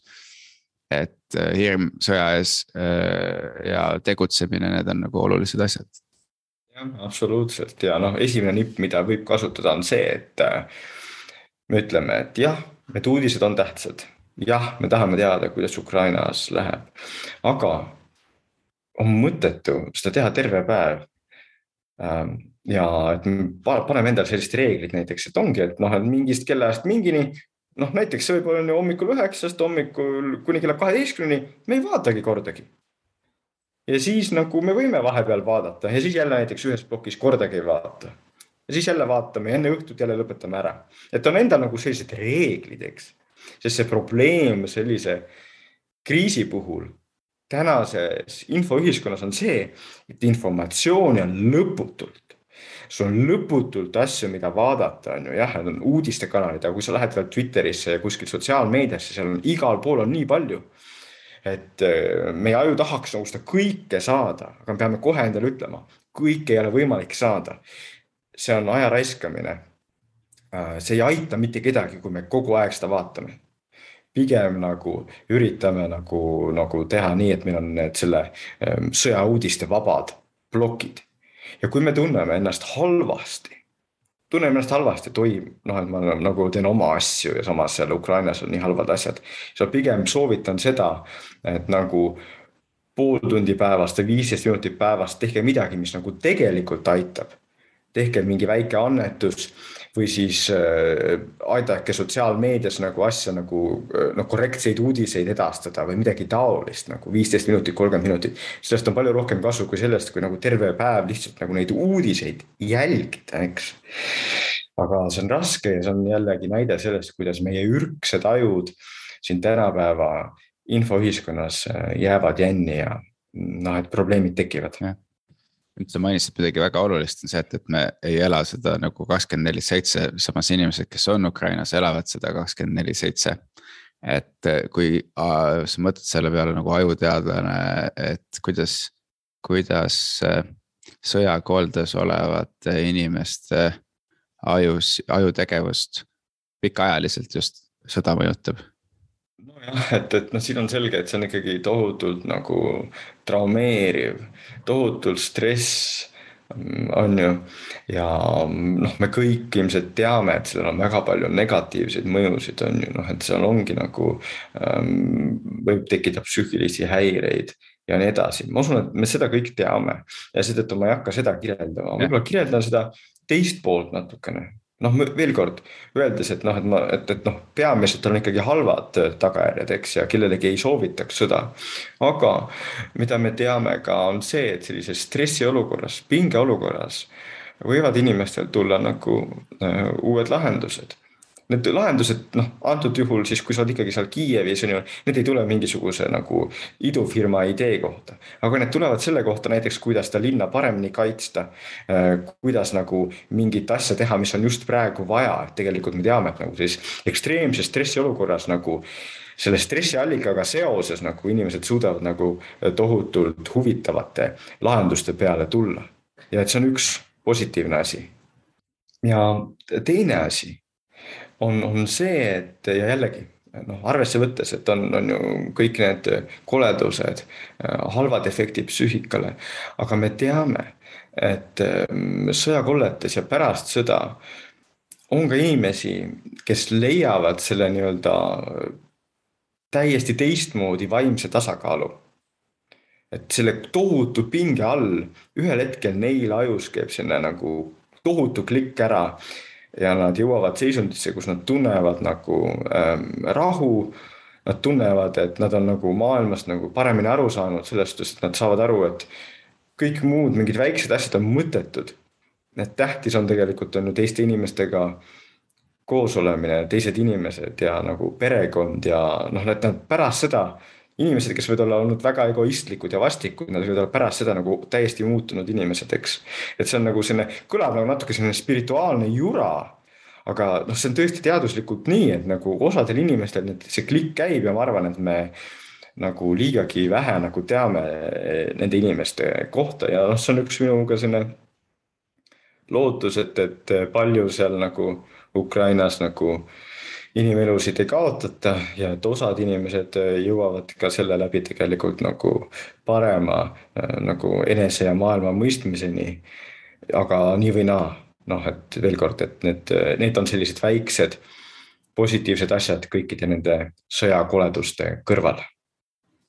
kui rääkida nagu sõjast, sõjas äh, ütleme ellujäänutest ja läbielanutest, siis seal võib tekkida ju äh, ongi traumajärgne, eks ole mm. stress. reaktsioonid ja, ja, ja. PTSD, ma isegi ei tea, kuidas eesti keeles on. Ähm, siis, siis selle kohta on ka päris huvitavaid raamatuid ja võib-olla üks teema, mida ma tahtsingi siis küsida, on ütleme psühhedeelikumide psühhedeelsete ravimite, ütleme arendus, mis on jäänud, eks ole ajaloost pausile ja siis nüüd on, ma ei teagi, kaks tuhat viisteist, kuusteist, kui ma hakkasin seda uuesti nagu kuulma, kui me elasime Californias, siis John Hopkinsi ülikool on hästi palju tööd teinud sellel, selles valdkonnas, et kuidas sa vaatad seda, ütleme psühhedeelikumide arendust kui ravimiarendust? ja, ja et noh, täiesti nii, et oleks sa seda küsimust küsinud nagu võib-olla kaheksa aastat tagasi, siis ma oleks ka mõelnud, et mis see esoteeriline jama see on, miks me peame sellest rääkima.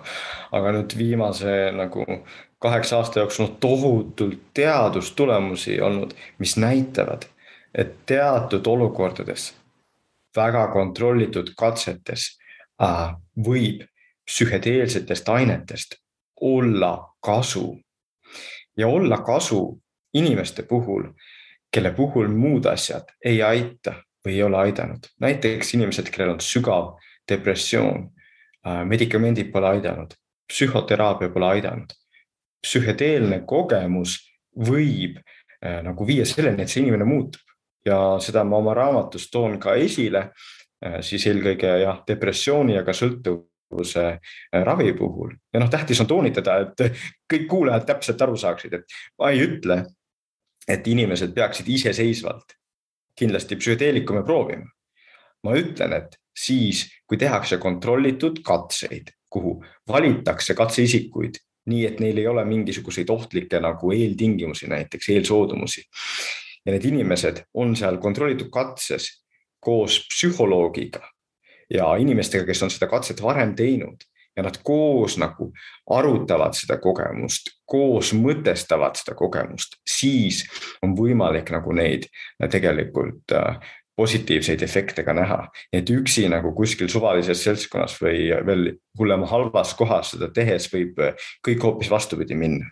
aga kui teha neid katseid hästi, siis on fakt see, et teaduses käib ära, võib ära käia seesama klikk või sarnane klikk, mida ma just rääkisin, mis võib mõnes ajus käia sõjaolukorras, et inimene nagu kardinaalselt muutub. Et tal ongi kogu aeg olnud see sõltuvusprobleem alkoholiga. mitte midagi ei saa, iga päev joobki nagu mitu pudelit veini ja nüüd ta ütleb, et ei, see oli teine inimene. Äh, mina enam ei joo ja lihtsalt päevapealt lõpetab nagu, et see asi on põhimõtteliselt võimalik ja see peab olema teaduslikult huvitav nagu noh, mina, minu jaoks on nii huvitav, et noh, me räägime nendest väikestest klikkidest, noh kuidas loovus tekib, on ju, kuidas tuleb uus idee, aga nüüd sul tuleb nagu täitsa uus identiteet nagu. See peab ikkagi kuidagi seal ajus ära käima, on ju, aga see muutus on nii suur ja võimas ja noh, see on siis äh, põhjus, miks mind see huvitab. Ja minu jaoks nagu need väiksed ahhaad, kus me lahendame midagi, saame millestki aru, on nagu selle suure ahaa väiksed vennad jah. Et suur ahaa on see, kui ma tõesti saan aru, et vau, ma võin hoopis teistmoodi elada ja, ja inimese nagu see olemine ja suhtumine muutub. ja, ja nendel ma loodan ja arvan, et on samasugune mehhanism ja seetõttu ma neid asju ka nagu uurin, nii et psühhedeelikumid, mis veel kaheksa aastat tagasi üldse ei olnud mu huvi orbiidis, on nüüd vähemalt nagu ka minu teadustöös nagu osa. me küll ei tee, ei tegele nende ainetega, aga nagu tegeleme kaudselt. Sa ütlesid midagi väga olulist seal oligi see, et inimene muutub. et noh, et inimese aju on nii plastne, aga et ise eneselikult ta ei ole võimeline muutuma selliste lihtsate vahenditega, lihtsate ravimitega, et siis see psühhedeelikum aitab mingile nupule vajutada, ütleme siis eriti lihtsustatult, tekivad mingid uued sidemed ja siis nagu sa ütlesid, et, et inimene justkui ärkab üles uue identiteediga, et kuule, ma enam ei ole see inimene. Ja, ja noh, veel kord, et see, see ei ole nagu ainult see ravim ise, see ei ole ainult muidugi. ravim, et sellest ei piisa nagu, et peab olema õige keskkond, et ja, ja. kogu selles teadustöös rõhutatakse, et just see set ja setting, ühesõnaga keskkond, see loeb ja see võib ka määrata selle, et mis on selle psühhedeelse kogemuse tulemus, et kui sul on kehv setting, äh, siis see võib hoopis metsa poole minna. noh, see on väga tähtis. täpselt, äh, aga räägime siis nagu ütleme, räägime neuroteaduse tulevikust. Mida sa ise tahaksid aju kohta teada, mida me veel ei tea? no mina ise nagu konkreetselt tahaks ikkagi teada, et nagu kuidas tulevad uued ideed, kuidas, mis juhtub, kui see ahaa käib, mis juhtub, kui nagu inimene nagu muutub, eks. aga eh, noh, ma olen ka õnnelik, kui me mõningaid teisi asju teada saame, noh näiteks, mis meil on siin täna juba arutatud, et noh, kui me praegu siin räägime, eh, kuidas see nagu mõtete nagu kiire nagu rittapanek tegelikult nagu reaalajas ajus toimub. Eh, ja kui juba niimoodi soovimiseks läheks, noh muidugi ma oleks õnnelik, kui me saaks nagu paremini aru ka sellest, et mis see teadvus ajus on. aga kas ma saan neid teada, millal ma saan, ei ole selge. noh, et ajuteaduses, mis praegu on suur trend, on see, et mõõdetakse üha rohkematelt neuronitelt korraga et veel nagu kümme aastat tagasi oli ikkagi peamine see, et mõõdeti nagu üksikutelt neuronitelt jah, üksikutelt närvirakkudelt. aga nüüd on meil erinevaid nagu vahendeid, mis võimaldavad siis korraga mõõta näiteks kümne tuhande neuroni aktiivsust kõlab, on ju super lahedalt, aga siis saate aru, et hmm, inimajus on sada miljardit neuronit, mida ma siis kuulen, kui ma seal kümmet tuhandet järjest no, korraga nagu jälgin, on ju, et ma ei saa ju mitte midagi aru. ja siis üritataksegi seda arvu kogu aeg nagu suurendada ja see on nagu üks põhiline selline, selline asi, mis toimub ja siis nagu äh, Äh, hiireajus on võimalik teha igasuguseid geneetilisi trikke ja seal on ka nagu nii palju asju, mis me teame, et tuleb ära teha ja põhimõtteliselt nagu kohati ähm, öeldakse, et noh, et see ei ole enam nagu teadus, sest sa ei pea midagi uut välja mõtlema, sa pead lihtsalt asjad ära tegema, et sa tead, et see katse on vaja ära teha. et see on nii nagu selline basic asi, mis tänapäeva tehnoloogiatega on võimalik teha ja tuleb ära teha nii et need on hästi tähtsad suunad ja siis nagu kõrval on muidugi see, mida, mille, kus ma ise rohkem olen praegu. et meil on ju see tehisintellekti algoritmid ja me üritame aru saada, et kuidas nagu siis äh, aju töötab. nii et vaatame nagu, mida need tehisintellekti algoritmid teevad ja mida me siis nagu saame nagu nende töö põhjal paremini aju kohta öelda. kas äh, sul on elus olnud niimoodi, et, et mõni raamat, mis on äh, sinu mõtlemist kardinaalselt äh, muutnud või, või lihtsalt midagi, mis sulle meeldib, et, et sa, mida sa soovitaksid kuulajatel lugeda? ja no on üks raamat, mis kardinaalselt muutis, aga, aga seda ma võib-olla ei soovita, sest et noh, et ta oli selline väga teistmoodi raamat, aga see oli see raamat, mis tõi mind teadvuse probleemi juurde. kellel on huvi, võib lugeda, see on Nobeli auhinna saaja John Nicholsi raamat How the self controls its brain. aga kes loeb, see näeb, et see on väga imelik raamat, kuna ta on täielik dualist, nagu ütleb, et on teadvus on midagi ajust erinevat ja nii edasi. aga see oli see noh, tõesti elumuutev raamat minu jaoks aga nagu, kui me vaatame, et noh, mis raamatud on minu elu toetanud, siis kindlasti nagu äh, Dostojevski erinevad raamatud, aga näiteks eriti siis vennad Karamaasovid äh, kes seda kunagi loeb, äh, see võib vaadata ka seda, kuidas Dostojevski tegelikult siis neid teadvusseisundeid kirjeldab ja kuidas ta ja ju kirjeldab ka seda seisundit, mis on nagu selline väga eriline ja nagu üldise nagu see, see headuse ja armastuse tundmise seisund siis selle kõige noorema venna ajus, et noh, sealt ma arvan, et sealt ma sain selle, mind sellised seisundid nagu ka huvitavad ja, või noh, et sealt ma esimest korda sain aru, et mind see huvitab ja siis äh, nüüd äh, nagu ähm, siin, kui me tuleme edasi ja vaatame, mis mind nagu teadlasena on mõjutanud, siis äh, neid raamatuid ikka on mitmeid teadlasel, eks. aga kui üks nimetada, siis mida noh, mis on lihtsalt ka kultuuriajalooliselt väga tähtis, on muidugi Douglas Hofstadteri äh, Gödel, Escher, Bach mida on lihtsalt huvitav vaadata, et noh, kes seda hakkab lugema, see teab, näeb, kui kui fantastiline see mees on, et ta suutis sellise raamatu kirjutada nagu ta oli noh, umbes kolmkümmend, võib-olla natukene peale, aga noh, et ta suutis sellise raamatu kirjutada, hämmastav. kes sellest raamatust jagu ei saa, siis tal tegelikult on ka lihtsam raamat, mis on I am a strange loop mis on selle raamatu nagu selline kokkuvõte ja räägib nagu teadvusest. et võib-olla need on sellised head äh, soovitused. räägime Eestist ka ähm, ülikoolihariduse omandasid sa Saksamaal, ähm, kuid peale seda naasesid Eestisse. Eh, et mis on see, eh, mis sind siia tagasi tõmbas? ikkagi nagu see, et me oleme väike riik. meil on vähe inimesi ja ma tean ise ka nii palju noori ajusid, mis nagu noh, mõistlikel põhjustel lähevad Eestist ära ja jäävad Eestist ära, aga mul on see alati nagu kahju olnud ja kuna mul oli see võimalus, et abikaasa on ju ka eestlane, me mõlemad samamoodi mõtlesime, siis me otsustasime, et me tuleme tagasi. ja siis ma olengi, seetõttu ma olengi enda eesmärgiks võtnud, et ma üritan teisi nagu noori, aga ka vanasid ajusid nagu aidata noh, näiteks nii on ju, et ma teadustöös võtan enda juurde noori inimesi, kes siis saavad läbi minu nagu teha seda teadustööd ja et ma kirjutan selliseid raamatuid, ma käin, pean ettekandeid, olen koolides ja nii edasi, on ju. ja kõige selle kõrvalt võib öelda, et äh, Eestis on väga raske teha tippteadust, me oleme väike riik. Äh, meil on raske teha kõrgel tasemel teadust. aga mina võtsin enda jaoks vastu otsuse, et minu jaoks see, et mina ise saan ühiskonnas nii palju asju nagu aidata, see kaalub üle selle, et ma teadlasena oma teadustöös kaotan. ja ma loodan, et nagu osad need noored inimesed, keda mina teadlasena juhendan, et nad jõuavad nagu teaduses äh, minust palju kaugemale ja seeläbi ma saan ennast ka nagu äh, teaduses nagu kuidagi väljendada. aga praegu olen ma selgelt võtnud selle, et tegelikult see ühiskond, Eesti on tähtsam kui minu enda mingi ambitsioon teaduses kui sul äh, tekib võimalus äh, kirjeldada Eestit äh, välismaalastele, siis kuidas sa, kuidas sa kirjeldad Eestit? ma ütlen, et me oleme väga innovatiivne rahvas, et me oleme rahvas, kes igaüks nagu ikkagi on suuteline eneseteostust tegema. Ähm, kui me läheme väiksesse kuskile maakohta, siis seal on inimesed, kes on ettevõtjad, nad teevad mingit väikest oma asja Äh, ja et me oleme innovatiivne äh, rahvas.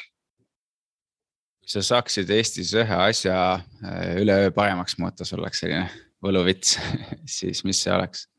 ma arvan, et see oleks see suhtumine, mis paljudel on, et me oleme ju nutirahvas või digirahvas et see tähendab, et me peame kõiki asju tegema nagu online ja digitaalselt.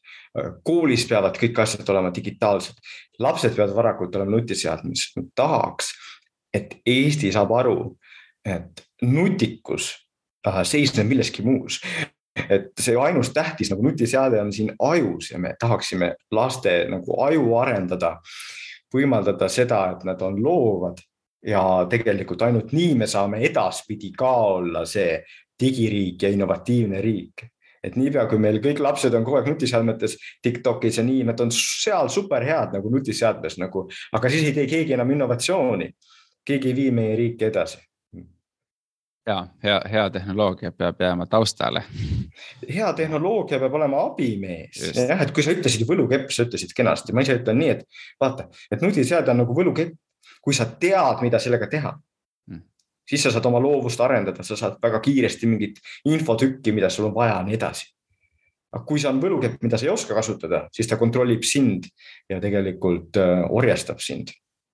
kui äh ma hakkasin seda saadet tegema, siis saatesarja tegema, siis oli veel paar aastat äh, aega Eesti sajanda sünnipäevani, nüüd on sellest juba neli aastat möödas. Ähm, et kui sa mõtled kahekümne esimese sajandi Eesti peale, siis, siis kuidas seda võiks ehitada, et, et, et milline oleks sinu soov järgnevaks nüüd siis üheksakümne kuueks aastaks?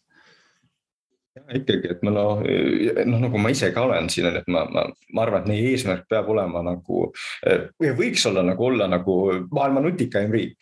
Aga nüüd nii nagu päriselt, eks, et me tõesti, et, et meid ei huvita näiteks varsti enam PISA skoor, sest PISA skoor mõõdab ainult on ju seda, kui palju nagu seal standardülesannetes lapsed hästi hakkama saavad, vaid me tahaksime olla see riik, kus nagu iga laps leiab oma tee, iga laps suudab uute ideede peale tulla, et edaspidi ka tuleb meie riigist nagu just palju innovatsiooni ja see on võimalik, noh, need muutused, mida on vaja teha, ei ole mingid suured, need lihtsalt peab hakkama nagu sellest, et igas kodus teatakse seda, et nagu on võimalik loovust arendada, iga õpetaja teab seda.